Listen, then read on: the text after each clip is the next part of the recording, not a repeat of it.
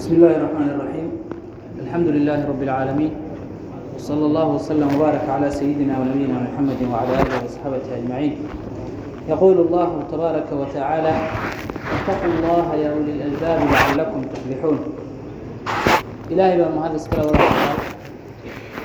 wuxuu subxaanahu wa tacaala fadligiisay ku ahaatay inaynu masaajidka innagoo ilaahay subxaanahu wa tacaala radihiisa inaan helayno inaan helno yoolkeenu uu yahay. Waxaan isu dardaarmaynaa awalan ilaahay subxaanahu wa tacaala cabsidiisa eebba wuxuu leeyahay yattaqu llaha ya uli lalbaab eebba waxa uu la hadlayaa ee ula dardaarmayaa ee uu amrayaa waa dadka caqliga u saaxiibka ah. Dadka caqliga leh ee waxgaradka ah. Ee masaalixdooda garanaya adduunkooda iyo aakhiradooda waxa dani ugu jirto garanaya ee doonaya inay badbaadaan. Ayaa ilaahay wuxuu leeyahay wattaqu llaha ya uli lalbaab war dadka caqliga ahow ilaahay ka cabsooda ilaahay ka yaaba wuxuu idin faray ilaahay qaadi oo ku dhaqmo oo fuliy wixii ilaahay uu idinka reebay subxaanahu wa tacaala ee uu idinka digayna isaga joogsada oo ka carara hadaad lacallakum tuflixuun haddaad sidaa yeeshaan oo aada ilaahay ka cabsataan oo aada eebba ka yaabtaan waxaa hubanti ah oo xaqiiqa ah inaad liibaanaysaan liibaantaa dadku ay raadinahayaan oo yar iyo weyn gaal iyo muslim qof walbaa wuxuu rabaa inuu liibaano oo uu farxo. Liibaantaa iyo farxadda ah ilaahay subxaanahu wa tacaala wuxuu in badan inoo sheegay inay ku jirto ilaahay cabsidiisa. Inaan eebba ateecno wuxuu ina faray aynu fartoonno oo qaadanno wixii ina ka reebay inaynu ka wato ilaahay subxaanahu wa tacaala nafta bani aadamka uu geliyey waxa uu ku abuuray wax khayrka u jiidaya iyo wax sharka xaggiisa u jiidaya bani aadamka markaa waxa lagu imtixaamay ee lagu jirrabay inuu khayrka u dooro oo uu sharka ka xajiyo oo uu nafta ka ilaaliyo oo ka dheeraysiyo si marka naftu ay uga badbaado sharka oo ay khayrka ugu mintido waxaa la rabaa qofku inuu naftiisa diyaariyo khayrka inuu naftiisa u diyaariyo. Uu naftiisa ka dhigo mid laylisan oo khayrka u laylisan oo aqbalaysa sharka in laga reebo u hoggaansamay oo fartoomay taasaa laga rabaa qofka himadiisa uu cibaadada u hayo awoodda gudihiisa ku jirta eeba ku abuuray subxaanahu wa tacaala dadaalkaasuu ku soo baxdaa naftaa in la layliyo oo khayrka lagu dadaalo ayay ku soo baxdaa. Ilaahay subxaanahu wa tacaala cibaado kasta oo uu ina faray. Waxa uu sameeyey wax ka horreeya oo lagu diya loogu diyaargaroobo. Diyaargarow ayaa ilaahay subxaanahu wa tacaala uu cibaado kasta u sameeyey. Waxa sidaa loogu yeedhay oo cibaado walba diyaargarowgaas loogu sameeyeyna waa in nafta bani aadamka lagu layliyo. Ilaahay daacadiisa subxaanahu wa tacaala inay u diyaargarow oo ay ku dadaasho. Oo ay u hilowdo khayrka iyo cibaadada salaadda markaynu tukanayno waxaa ka horaysa bahaaro. Qofku inuu weese qabo ayaa ka horaysa weesadaa uu qofku weesaysanayo dunuubtiisaa lagu dhaafayaa. Dhibicda u dambaysa marka ay lugtiisa u dambaysa ay ka dhacdo ayaa dunuubtiisii yaryarayd oo ilaahay subxaanahu wa tacaala lagu dhaafaya marka uu qofku cibaadaysa weesaysanahayo qalbigiisuu soo xaadirinayaayo wuxuu u diyaar garoobayaa ilaahay inuu hor tago uu caabudo subxaanahu wa tacaala. Waa diyaargarow qur'aanka qofku markuu akrinahayo ilaahay subxaanahu wa tacaala wuxuu yidhi waidaa qara'ta alqur'aana faidaa qara'ta alqur'aana fastacid billahi min ashayطaani arajiim kolka aad qur'aanka akrinayso ilaahay waxaad ka magan gashaa shaydaanka ilaahay laga fogeeyey ee naxariistiisa laga caydiyey. Kaa ilaahay ka magan galo acuudu billahi min ashayطaani arajiim waa diyaargarow inaad wixii kale iyo mashaaqilkii iyo shaydaankii aad iska xirto qur'aanka intaad akrinayso ayaa waxa weeye cudubilaysiga loogu diyaargaroobaya marka la ducaysanayo waxaa la ysu dardaarmay nebiga in lagu saliyo calayhi salaatu wasalaam.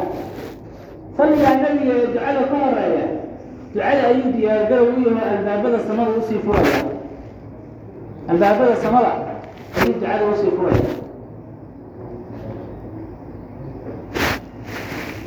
Bishaan shacbaana aynu ku jirno nabiga calayhi salaatu wasalaam waxaa laga soo guuriyey. Inuu aada u soomi jiray. Sababtuu u soomi jirayna waxay ahayd inuu nabigu calayhi salaatu wasalaam inoo muujiyo ramadaanku inuu u baahan yahay diyaargarow waxaa layna ka rabaa marka in aynu nafteenna cibaadada u diyaarino. Wadiiqooyin fara badan ayaa nafta cibaadada loogu diyaariyaa. Waxaa ka mid a ilaahay subxaanahu wa tacaala qalbiga ayuu bani aadamka ka daalacdaa nabigu sala allahu calayh wasalam wuxuu yihi ina allaha laa yanduru ilaa suwarikum walaa ilaa ajsaamikum walaakin yanduru ilaa quluubikum ilaahay subxaanahu wa tacaala ma eego muuqaalkiina iyo jirkiina midna eeba subxaanahu wa tacaala laakiin eeba waxa uu eegaa qalbiyadiina qalbigu waa cadka uu nabigu ku sheegay sala allahu calayhi wasalam alaa ina fi lqalbi mudqa idaa salaxat salaxa aljasadu kulluhu wa idaa fasadat fasada aljasadu kulluhu alaa wahiya alqalb waxaa qalbi waxaa qofka jirkiisa ku jira buu yidhi nabigu sala allahu calayhi wasalam cad hadduu qofku uu hagaajiyana jirka intiisa kale hagaagayso. Hadduu cadkaasi uu hallaabana inta kale oo ay hallaabayso. Wuxuu ku sheegay cadkaa nebigu sala allahu calayhi wasalam waa qalbiga. Waxaa layna ka rabaa saan nafteenna u diyaarino. Kow horta qalbigeenna inaynu camirno oo iimaan ka buuxino inaynu iimaan ka buuxino oo aynu mar walba iimaanka ilaahi subxaanahu wa tacaala ina geliyey. Aynu xuska eeba subxaanahu wa tacaala ku cusboonaysiino qalbigeena mucaadi ibnu jabal radia allahu canhu saxaabigii jaliilka ahaa. Qofkii ka hor yimaado asxaabta ka mid ah. Ayuu marar badan wuxuu odhan jiray tacaala tacaala binaa najlis nu'min saaca. Kaalay halkaan intaan fadhiisanno aan xoogay qadar ilaahay rumayno odhan jiray subxaanahu wa tacaala ilaahay waa uu rumaysan yahay laakiin iimaankaa wuxuu u baahan yahay in la kororsado. Wayasdaada aladiina aamanuu iimaana. Dadka mu'miniinta ee ilaahay rumeeyey waxa ay kororsadaan cibaadooyinka eeba uu ka soo sheekeeyey iimaankooda ayay iimaan ku kordhiyaan. Yacnii iimaanku mar walba kor buu u socdaa. Haddaad cibaadada ka gaabiso iimaankaagu wuu nuqsaamayaa. Haddaad macaasida joogtayso wuu nuqsaamayaa. Waxaa laga yaabaa inuu gaaro marka dambeba iimaan la'aan qofku inuu gaaro hadduu macaasida badso ilaahay baynu ka maangala waxaa la rabaa qur'aanka in la akriyo ilaahay subxaanahu wa tacaala in shaydaanka laga magan galo. Shaydaanku waa cadow habaaran. Dhagartiisa ilaahay waxa uu ku sheegay inay daciif tahay. Wuxuu kaloo laakiin ilaahay daba dhiga oo inoo sheegay innahu caduwun mudilun mubiin. Waa cadow baadiyeyn badan oo cadaawadiisu ay caddahay. Innahu yaraakum huwa wa qabiiluhu min xaysu laa tarawnahu. Asaga iyo tolki dee wixii xun oo dhan oo xumaanta ka shaqeeya waa shaydaan tolki. Shaydaan iyo tolkiba waxay idinka jeedaan buu yidhi ilaahi subxaanahu wa tacaala min xaysu laa tarawnahu meel aydaan idinku ka arkayn waayo shaydaanku wuxuu kaa soo waajahayaa oo kaa soo beegsanayaa meesha naftaadu u jilicsan tahay. Xumaanta nooca aada xiisayso oo naftaadu ay u janjeerto ayuu kuusii qurxinaya. Naftaadu waxyaabaha ay doonayso ayuu kuusii macaaninaya dadka xumaanta ka shaqeeyana u fiirso waa sidaa meelaha uu is leeyahay qofkan waa ka geli kartaa buu kaa soo gelaya wax kaa tusinaya. Shaydaankaas waxaa la rabaa marka ilaahay laga magansado subxaanahu wa tacaala oo eebba laga magan galo waxaa la iska rabaa nafta in la dabro oo waxa naftu ay jeceshahay aan loo samaynin. Wa amaa man khaafa maqaama rabbihi wanaha annafsa cani ilhawa fa ina aljannata hiya alma'wa. Qofkii ilaahay subxaanahu wa tacaala maqaamkiisa yacni ilaahay buu qiyaamaha qofku hortegayaa. Ilaahay baa ku xisaabinaya subxaanahu wa tacaala halkaa aad qiyaamaha joogsan doonto qofkii ka cabsada ee ka yaaba naftiisana ka ilaaliya hawada oo ka reeba fa ina aljannata hiya alma'wa biillaahi subxaanahu wa tacaala qofkaasi waa qof dadaalay. Hoygiisu wuxuu noqonayaa jannada. Naftaa jannada ay ku hoyanaysaa laakiin waxaa ku xidhan shardiga wa amaa man khaafa maqaama rabbihi wanaha annafsa cani ilhawa qofkii ka cabsada ilaahay horjoo hor istaaggiisa qofkii ka cabsada oo maalinkaa eebba subxaanahu wa tacaala uu soo hor joogsanahayo u dadaala oo u xisaabtama naftiisana ka reeba oo ka ilaaliya waxa ay u hawooto oo ay jeceshahay. Macaasi hadday tahay iyo hadday tahay daacada wax weye waxyaabaha mubaaxaadka ah oo lagu talax tago. Qofkii naftiisa ka dabra oo ka haya ilaahay subxaanahu wa tacaala waxa uu ballan ku qaaday inuu jannada hooy uga dhigay eebbana waa fulinaya subxaanahu wa tacaala ina allaha laa yukhlifu wacdah eebba wuxuu yaboohay ma guud yeelo ma buriyo eebba subxaanahu wa tacaala ballantiisa. Walaalayaal waxaa layna ka rabaa inaynu nafteenna u diyaarino mawaasimta khayraadka munaasabadaha khayrka ilaahay subxaanahu wa tacaala uu dhex geliyey bilaha sanadka oo dhan bal eebba naxariistiisa eeg khayr baa laga buuxiyey wanaag badan baa laga buuxiyey. Abaalmarino gaara ilaahay subxaanahu wa tacaala uu ka buuxiyey.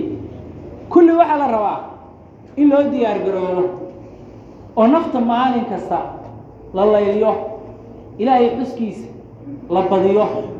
Maalin kasta haddaad naftaada ku ababiso inay qadar fiican ilaahay xusto subxaanahu wa tacaala maalinba maalinka ka dambaysa? Naftaadu way sii tarbiyadoobaysaa adiguna ilaahay subxaanahu wa tacaala agtiisa dhowaansho ayaad ka helaysaa wax kasta oo bani aadamka ama adduun ha noqoto wax adduun loo shaqaysanaya ama aakhiraha loo shaqaysanaye si qofku ugu guulaysto waxa uu doonayo adduun iyo aakhiro waxa ka rabtidba waxay u baahan tahay qofku inuu dadaal bixiyo inuu juhdi ag dhigo inuu naftiisa waxa weeye uu u diido wax badan inay raaxaysato waxyaabo badan oo raaxa iyo nasashaa inuu naftiisa u diido. Ayaa shardi u ah hadduu laakiin qofku iska leegleegsado iska seexdo o iska ciyaaro adduun iyo aakhiro midna meel ka gaari maayo. Waxaa la rabaa marka dadaalkeennaas aynu ku khasbannahay oo la'aanta aanay waxbaba inoo suurtagelaynin inaynu u jeedinno mawaasimta munaasabadaha khayrka ilaahi subxaanahu wa tacaala uuna siiyey inaynu ku mintirno. Nabigeenna calayhi salaatu wasalaam oo ilaahay uu yidhi laqad kaana lakum fii rasuuli illaahi uswatun xasana. Rasuulki ilaahay waxaa idinkugu sugan dayasho wanaagsan ayaa waxa uu inoo dhigay. Mawaasimtaa qaabkii aynu uga cibaad aynu ugu dadaali lahayd oo aynu uga faa'iidaysan lahayd waxaa ka mid a bisha hadda aynu ku jirno. Waa bishii shacbaan. Bishii shacbaan soondheere. Nabigu sala allahu calayhi wasalam waxa uu u cibaadaysan jiray. Bilihii ka horreeyey si uusan u cibaadaysan jirin umu lmuuminiina caaisha radia allahu canha waxaa laga wariyey inay tidhi kaana rasuulu llahi sala allahu calayhi wasalama yasuumu xataa naquula laa yuftir. Rasuulka ilaahay bishaa shacbaan waa uu soomi jiray ilaa aanu isnidhaahno bisha dhammaanteedba maalinka uu afuri mahay ilaa aanu moodnaba ramadaan shacbaan oo dhan inuu nabigu soomi doono ayuu soomi jiray yacni farabadni intuu ka qabo yani bisha xooggeeduu soomi jiray nabigu sala allahu calayhi wasalam iyo dee sanadka oo dhanna saasay ahayd shacbaan keliya ma aha sanadka oo dhan nebigu si u jooga calayhi salaatu wasalaam ayuu soon isku xiriirin jiray ilaa anu ismiraano weligiiba afuri maayo wayufdiru xataa naquula laa yasuum wayufdiru xataa naquula laa yasuuq wuu afuri jiray nebigu sala allahu calayh wasalam ilaa aanu isniraano sanadkaa nebigu maba soomi doonaba calayhi isalaatu wasalaam wma ra'aytu rasuula اllahi salى اllahu عalayhi wasalama istakmala siyaama shahrin qadu ilaa shahra ramadaan maana arag bay tihi nebiga sala اllahu calayhi wasalam oo bil oo dhammaystiran soomay oo aan ramadaan ka ahayn weligay ma arag bay tihi bil kaamila nebigoo soomay calayhi salaatu wasalaam bisha ramadaan mooye bil kale ma arag wamaa ra'aytuhu fii shahrin akthara siyaaman minhu fii shacbaan bisha shacbaan la yidhaahdana bil uu ka soom badnaa nebigu ma arag bay tiri calayhi salaatu wasalaam bisha ramadaanoo dee dhammaanteed ay waajib tahay in la soomo marka laga tago bilaha kale oo dhan nebigu calayhi salaatu wasalaam bisha ugu soo badnaa waxay ahayd bisha ramadaan muxuu soomi jiray bishaan shacbaan marka nebigu calayhi salaatu wasalaam muxuu sidaa soonka bisha shacbaan ugu badsaday nafta ayuu nebigu sala allahu calayhi wasalam u leylinayay nafta ayuu leylinayay nebiga naftiisu calayhi salaatu wasalaam way leylisnayde innaga ayuu waxa uu inoo dhigahaya cashar ay tahay inaynu kaga dayano nebiga calayhi salaatu wasalaam ilaahay baa isaga yidhi dembigaaga hore iyo kaagii dambaba waa la dhaaf. Saasoo ay tahay buu sidaa nebigu u dadaal badnaa calayhi salaatu wasalaam. Qofkii marka bishaa shacbaan soonka joogteeya oo ku dadaala oo qiyaamuleylkii iyo qiraa'atulqur-aanka akhriskii qur'aanka iyo salaatuleylka ku mintida asagoo la qabsaday oo naftiisu u macaansatay ayaa bishii ramadaan laga yaabaa inay u soo gasho. oo ay markaa u sii dhib yaraato usaamo binu zayd waxaa laga wariyey wuxuu yidhi rasuulki ilaahay baan weydiiyo waxaan idhi maan arag bil bilaha ka mid a adoo u soomaya sida aad shacbaan u soomto bisha ramadaan marka laga tago kob iyo tobanka bilood oo soo haray rasuulka ilaahay ow sida aad shacbaan u soonto soondheero sida aad u soonto bil aad u soontid maanan arage rasuulka ilaahay ow arrintaa iiga warran buu yidhi nabiga calayh isalaatu wasalaam buu weydiiyey muxuu yidhi nabigu sala allahu calayh wasalam dalika shahru yagfalu canhu nnaas. Bishaa rama bishaa shacbaan waa bil wuxuu yidhi ay dadku moog yihiin. Waa bil ay dadku moog yihiin oo ay hilmaansan yihiin. Oo bayna rajab wa ramadaan wuxuuna u dhaxeeyaa laba bil oo khayr badan oo barako badan oo midna ay tahay bishii bilihii xurmada lahaa ka mid ah ee rajab. Midna ay tahay bisha ramadaan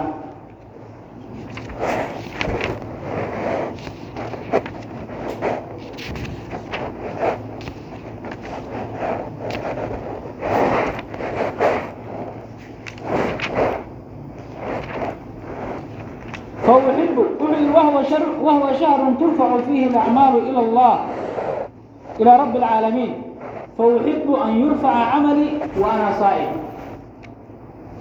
وحول النبي صلى الله عليه وسلم بشا رمضان بشا شعبان وإن ذاتك أي هلماسيه وأي موجه وأولا حيسا رجب يا رمضان لولا بلود واوين أي ذاتك كغمش قرسيه بشا حرمضان ee rajab cibaadada la samaystaa aad bay u fadli badan tahay.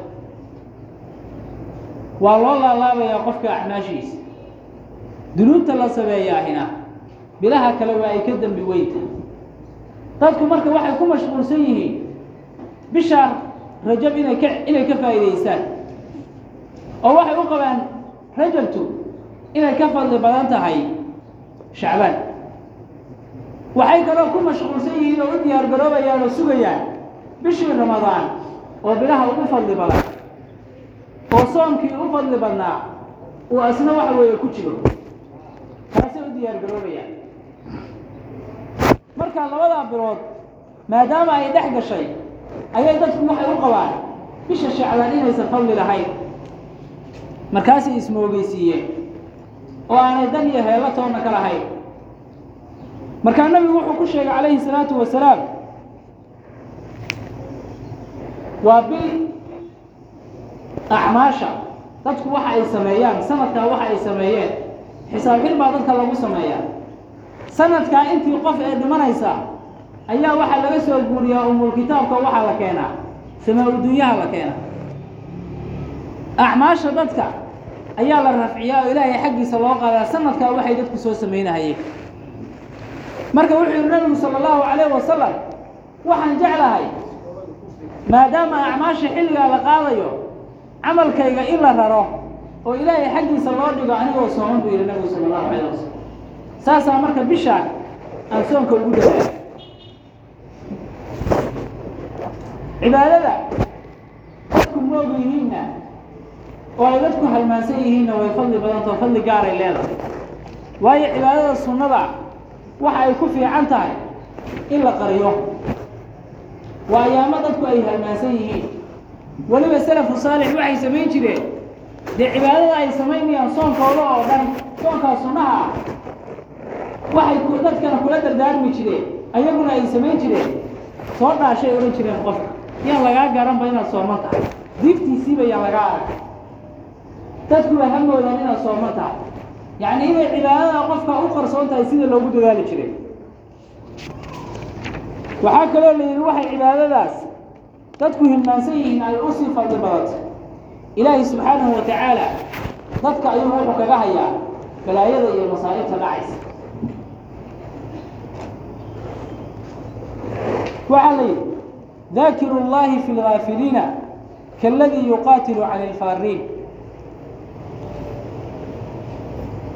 qofka waxaa la yidhi ilaahay subxaanahu wa tacaala xuso ayadoo dadku ay halmaansan yihiin. Dad cararaya qof difaacahaya oo raacda reeb ah oo kale buu ka dhigan yahay baa lihi qofka. Masaa'ib baa ilaahay subxaanahu wa tacaala uu dadka uga dafciyaa uga reebaa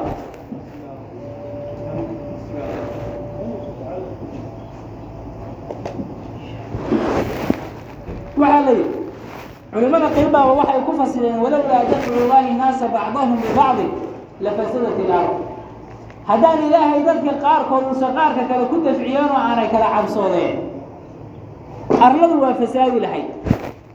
Taasay dadku waxa ay ku sheegeen culimmada qaarkood ay ku fasireen. Ilaahay subxaanahu wa tacaala dadka adeeca ayadoo dadkii oo dhan hilmaameen. Dadku markay ilaahay wada halmaamaan ee adduunye cayrsi iyo dembi loo bato dadka ilaahay caabudo subxaanahu wa tacaala waxay helayaan cid u kaalmaysaba cibaadada ugu kaalmaysa qofka ku mintaba cibaadada xilligaas waa qof yaab leh oo fadli gaara ilaahay agtiisa subxaanahu wa tacaala ku leh. Dadka ilaahay subxaanahu wa tacaala xilligaa adeecahaya ayaa waxay yidhaahdeen culimmadu waxaa laga wadaa dadka ilaahay adeecsan haddaan ilaahay masaa'ibta ku soo degi lahayd uusan uga dhiciyeen oo uusan cibaadadooda dadka ku badbaadiyeen arladu way fasaadi lahaydo way baabi'i lahayd. Arladuba waa ay baabi'i lahayd.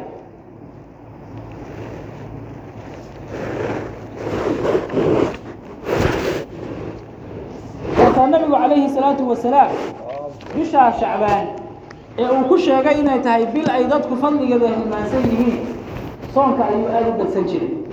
Innagana waxayna la gudboon oo layna ka rabaa inaynu dadaalno nabiga calayhi salaatu wasalaam ilaahay baa wuxuu faray wa min alleyli fatahajad bihi naafilatan lak casaa an yabcahaka rabuka maqaaman maxmuuda habeenkii ilaahay subxaanahu wa tacaala caabud oo cibaadada ku dadaal cibaadada habeenkii iyadoo ay ku ah siyaado cibaadooyinka kale kaaga siyaadsan oo ka dheeraad ah cibaadada nebi maxamed calayhi salaatu wasalaam ee salaatuleylka la farahayo waa cibaadadii caa-isha ay tidhi nebigu sala allahu calayh wasalam siduu u taagnaa ayaa gomadihiisii sii dildilaaceen markaasay waxay ku tidhi atatakallafu waqad gufira laka maa taqadama min dembik ma waxaad nebiga ilaahay oo sidaasoo dhan isugu mashaqaynaysaa ayadoo ilaahay dembigaaga hore iyo kaagii dambeba uu dhaafay muxuu ku jawaabay nebigu calayhi salaatu wasalaam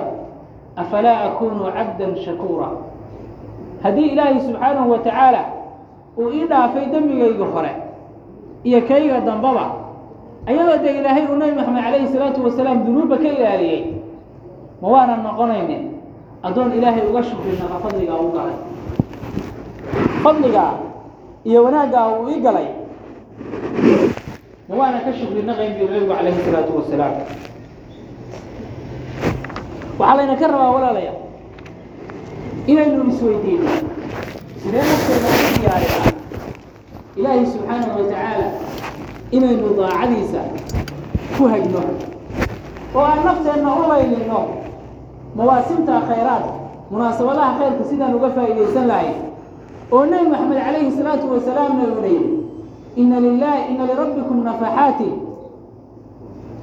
ina lirabbikum fii ayaami dahrikum nafaxaati fatacaraduu linafaxaati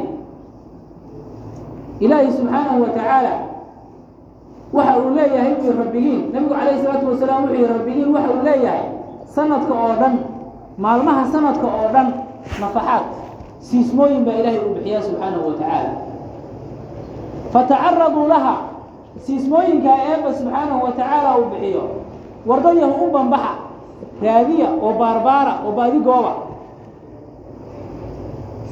Lacalahu in yusibkum minha nafxatun in yusibkum minha nafxatun lacalakum in yusibkum lacalahu in yusibkum minha nafxatun lan tashqow bacdaha abada.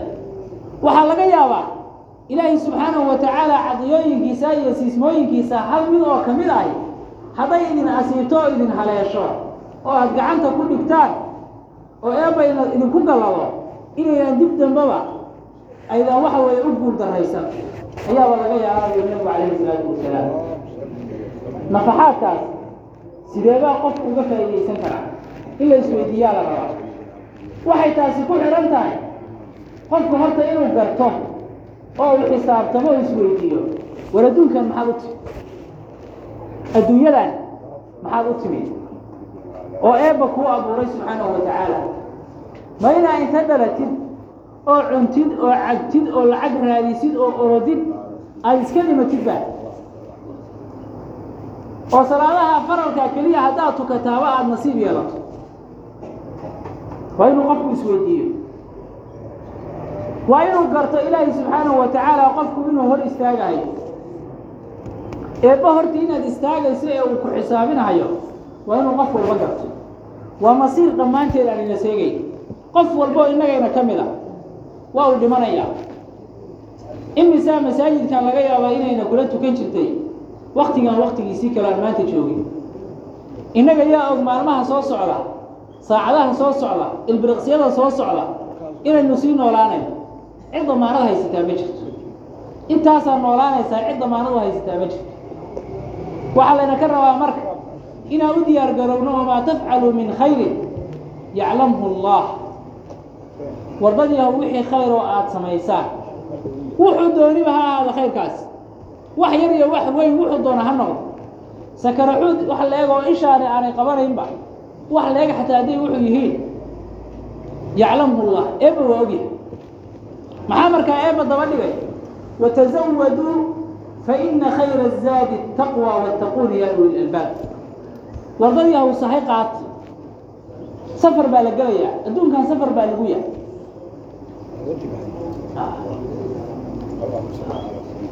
Wiil baa dhashay iyo wiil baa dhintaa sida loo dhan yahay loo dhammaanayaa soo hooyooyinku kuma madiixi jirin. Waa sidaa adduunku dhalashadaa iyo dhimashadaa intaa udhaxaysa weeye marka buu bani aadamku ku leeyahy intaa qofku labadaa udhaxaysa waxa la cumriga bani aadamka oo dhanba laba aadaan buu udhexeeya unba yacni salaad baa loo adimayey ama aadaankeeda la sugayo markaa dhala markaa dhimanaysana salaad baa loo adimayay ama aadaankeedii dhowya cumrigu waa intaasaas u koobay. Qiyaamaha marka la tago oo la yidhaahdo kam labistum kun sano hadduu noolaa iyo hadduu laba kunoo sano noolaa iyo haddii toban kun cumriga la siiyo. Marka la yidhahdo war adduunka imisaa soo joogtay wuxuu odhanayaa labisnaa yowman aw bacda yowm. Maalin ama maalin qaarkeed ba ilahu waayo aakhiro marka loo eego adduunkani miisaanba marka. Wax miisaanaba mara qofka marka ilaahay wuxuu ina amray war halkaasaa loo socdaaye sahay qaata ka warran maanta haddaad dad raacayso. Musaafir baaba tahayba magaalo heblaad u socotaa oo. Lacag aad jidkaa wax kaga sii cuntana ma wadatid ba meel aad seexato wax aad ku seexan lahaydba ma wadatid qof ay ka suuroobaysa ma jiraan ma jiro. Waa doqonnimo qof inuu ummad iska raaco isagoon saahay wadanin. Maxaad doonaysaaba aakhira hadda ka waran marka qofka raba inuu tago sahay la'aan. Oo dee safar aan laga soo laabanayn. Qaala rabbi irjicuun lacallii acmalu saalixan fii ma taraktu. Kalaa inaha kalimatun huwa qaa'iluhaa wa min waraa'ihim barzakh. Qiyaamaha bay waxay odhanayaanoo ku calaacalayaan ilaahu dib ii celi. Bal wuxuunaan soo shaqaystay waxaa laga yaabaa haddaad celiso inaan xoogaa soo dabaalo oo soo shaqaysto. May baa la odhanaya ha sugin waxaas jahanamaa kuu dambaysa un baa la odhanaya. Ilaahay baan ka maangalnay subxaanahu wa tacaala. Watazawaduu fa ina khayra zaadi taqwa wattaquuna yaa uli lalbaab wardadii ahow alla ka cabsi baa wax loo sahay qaato ugu fiicane iga cabsooduu leeyahy ilaahi subxaanahu wa tacaala oo alla ka cabsi sahay ka dhigta alla ka cabsigu waa wixii ilaahay kaa reebay ka. Wuxuu kugu waajib yeelay samee. Sunnayaashana ku dadaalo. Ilaahay maba dhibba dadka maba gelinba hadal wanaagsan oo aad qof kula hadashay waxaa la waa sadaqo. Dariiqaa waddo taallo wax yaalloo qurun oo aad ka qaadaa waa sadaqo. Qof waxa weeye alaabtii qaadi waayo oo aad la sii qaado ama aad gaariga la saarto ama qof jaranjaradii kori waayo ood korsiiso waa sadaqo subxaan allaahi oo aad tira waxa la miisaankay kuu buuxinaysaa alxamdu lilaahi oo aad tiri miisaankay kuu buuxinaysaa subxaan allaahi alxamdu lilaahi oo wada socdaan miisaankay kuu buuxinayaan bal sida ilaahay subxaanahu wa u dhib yareeyey fiiri. Kelimataani khafiifataani cala lisaani haqiilataani fi lmiisaani subxaana allaahi wa bixamdih subxaana allaahi walxamdu lilah laba eray carabka aada ugu fudud miisaankana ku culus. Subxaana allaahi walxamdu lilah bal eeg. Waxba ma jirto. Ilbiriqsiyo weeye subxaana allah alxamdu lilah intaa leeda. Haddana miisaankay kuu buuxinaysa.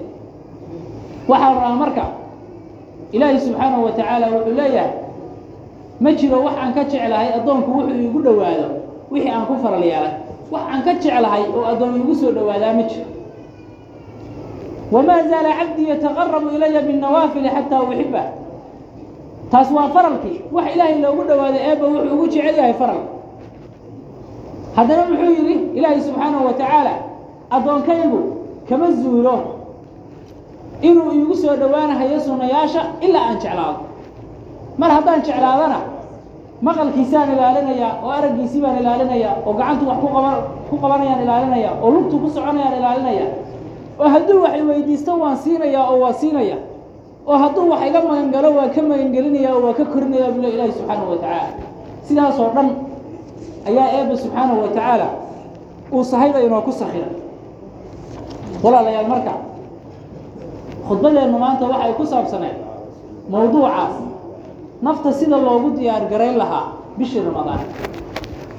Bisha ramadaan.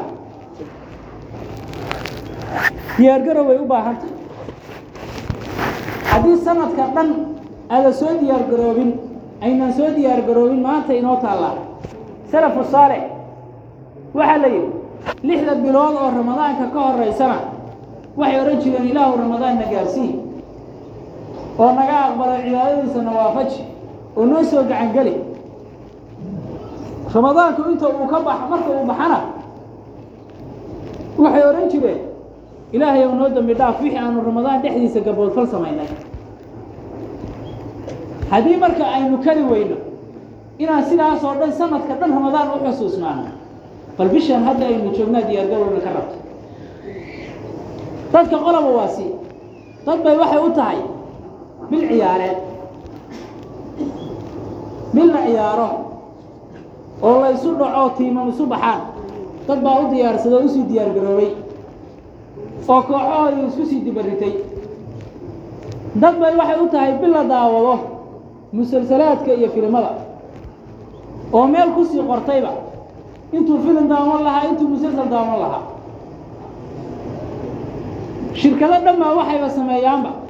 Bisha ramadaan u sii diyaar garoobo musalsalaadkii soo dayn lahaayeen iyo filimada. Qof baa waxaa laga yaabaa dad baa hadda sii diyaarsanaya laandhuugay ciyaari lahaayeen. Dadna waxaasoo dhan ba waxaa kala sii weyn. Bil cunto aada u macaan la cuno oo khudaar caynba cayna la cuno. Dad bay bishaa u tahay. Oo hadda ku sii talagelahaya cuntooyinkuu samaysan lahaa siduu u afuri lahaa inta jeer oo wax cuni lahaa. Ma afar jeer buu wax cunaa ma shan jeer buu wax cunaa ma saddex jeer buu wax cunaa qof baa ka fekeraya qof dhan baa jadwalkiisi wuxuu u sii bedelayaa siduu habeenka ramadaanka uga dhigan lahaa habeen uu ku soo jeedo. Habeenka oo dhan inuu ku soo jeedo ciyaar iyo cunid iyo cadbid iyo wax daawasho iyo wax la mid a maalintiina hurdu laakiin bisha ramadaan bil waxaasoo dhan lagu khasaarin karo ma aha. Waa bil ilaahay subxaanahu wa tacaala uu addoommadiisa ku galladay. Waa bil ilaahay subxaanahu wa tacaala uu inoo ku talagalay in aynu wixii dunuub sanadka ayna ka soo dhacayay intaynu iska baabi'inno aynu ilaahay subxaanahu wa tacaala addoommo suuban oo kuwii shaydaanku uu yidhi addoommadaadoo dhan waa dhuminahayaa ila almukhlasiin kuwa adiga kuu gaarka ah oo kuu soocan oo addoommadaada wan wanaagsan mooye inta kale ilaahu waa dhuminahayaa uu yidhi. Inaynu u diyaar garowno sida addoommada uga mid noqon lahayn nabigeena calayhi الsalaatu wasalaam wuxuu yihi qad jaaءakum ramadaan shahru mubaarakun farada allahu calaykum siyaamahu yuftaxu fiihi abwaabu اljanna wayuglaqu fiihi abwaabu اljaxiim watugallu fiihi shayaaiin waxaa idin yimid buu yihi nabigu salى اllahu calayhi wasalam bishii ramadaan ramadaan baa idin yimid ramadaan muxuu yahay nabigu calayhi الsalaatu wasalaam sida uu ramadaan u sharaxay aynu fiirino bil ma ahan cunto nabigu ma oran calayhi salaatu wasalaam bil cunno. Cayn baa cayna la cuno ma aha bil lahwi lagu soo jeedo ma aha bil leelleel iyo ciyaar lagu lumiyo ma aha kow muxuu ku sheegay nabigu sala allahu calayh wasalam shahrun mubaarak waa bil barakaysan. Ilaahay baa barakeeyey subxaanahu wa tacaala. Iftarada allahu calaykum siyaamahu. Ilaahay wuxuu idinku faral yeelay bishaa inaad soontaan soonku waa maxay? Cunto iyo cabid la iska daayo miyaa may wax allaalaya wixii ilaahay xaaraameeyey waa ina horta iska dayso. Haddana waa inaad iska dayso wax allaalaya wixii waktigaaga dilaya. Waktigaaga waxa dilaya waa inaad iska dayso. Waa bishaa ramadaan baa ilaahay wuxuu idinku fara yeelay soomkiis haye yuftaxu fiihi abwaabu ljanna waxaa bisha ramadaan la furaa albaabada jannada waa la ballaqaa wa yuglaqu fiihi abwaabu ljaxiim waxaa la xihaa albaabadii naartana waa la xihaa bil ilahi subxaana wa taala bal naxariistaa fiiri? Naartii alba iska ballaqnayd ee soo haawanaysay waa layna ka xiray jannadiina waa laynoo furay waa laynoo ballaqay intaa keliya laguma dayin wa fiihi shayaaiin qofka bani aadamka naftiisa iyo shaydaanka isu kaalmaysta oo cadow ku wadaa. Shaydaankaa nafta wax walba u qurxiya. Wazayana lahum ashaydaanu acmaalahum ilaahay soomaaran subxaanahu wa tacaala dadku wixii ay sameeyeen ee naftoodu samaynaysay unbuu shaydaanku u qurxiyey shaydaankii xumaanta inoo qurxin lahaa. Waa layna ka xiray. Markaa maxaa soo haray? Nafta ka adkaada laykliya bishaa. Lacallakum tattaquun. Maxaa ramadaan laydinku faran yeelay ilaah inaad ka cabsataan oo naftiina ka adkaataan fiihi laylatun khayrun min alfi shahr. Waxaa bishaa ku jirta hal habeen oo kun habeen ka khayr badan siddeetan iyo dhowr sannadood iyo dhowr bilood siddeetan iyo saddex iyo dhowr bilood siddeetan iyo saddex sano iyo dhowr bilood ayay u dhigantaa qofka siddeetan gaadhaa waxaynu nidhaahnaaba alla muxuu cumriyey maa sha allah. Ka waran hal habeen baa ilaahi subxaanahu wa tacaala wuxuu ina ku siinayaa siddeetan iyo saddexdaa cibaado u dhigan wax ciyaar ciyaar lagu lumiyo maaha. Muxuu yihi markaa nabigu calayhi salaatu wasalaam isagoo inoo digaya man xurima khayraha faqad xurim. Qofkii khayrkeeda la seejiyo oo gafah dee see qofka loo seejinaya waa inuu asagu isdhaafiyo waa inuu asagu islumiyo wax kasta qofkan loo sameeyo asagay ku hadhay qofkii khayrkeeda la seejiye oo isku ciyaara faqad xurim buu yihi nabigu sala allahu alayh wasalam dee waa la hoojiyeyba? Waxa laga hoojiyey fiiri lama sheegin. Yacni wax walba u qaadaado wax walba waa la seejiyey qofkaa walaalayaal marka waxaa layna ka rabaa bishaa ramadaan ee soo aadan. In aanu hadda u diyaar garowno sadaqada inaynu hadda isbarno. Haddaynu horey u sadaqaysan jirnay wax inaynu sii labalaabno haddaan soomi jirnay inaan soomkeennii kordhino. Haddaan qur'aanka akrin jirnay jus ama laba ama saddex inaynu badino. In aynu aada u akrino qur'aanka. Ayaa laydinka doonaya salafu saalix xilliyada aan ramadaanka ahayn ayay qaarna waxay ku tukan jireen habeenkiiba salaatuleel ku tukan jireen. Maalintiina sidoo kale qaar baa afar iyo labaatanka saac saddex jeer dhammayn jiray qaar baa saddex beri dhammayn jiray qaar baa asbuuc dhammayn jiray. Bal qof walbo innagayna ka mid aynu isweydiina ramadaanka bacdi imise jeer baad qur'aanka dhammaysa isweydii laakiin halkaa ha ku callaqmina qof walbo waxaad ku dadaashaa sidaa bishaa ramadaan aada u labalaabi lahayd uguna xisaabtami lahayd khayrka aad ramadaan ka dhaxasho iyo shacbaan inaad sanadka dhan sii wadato. Taasaynu isu dardaarmaynaa iyo ilaahay cabsidiisa subxaanahu wa tacaala inayna ku mitidna wa aqulu qawli hada wastaqfir allah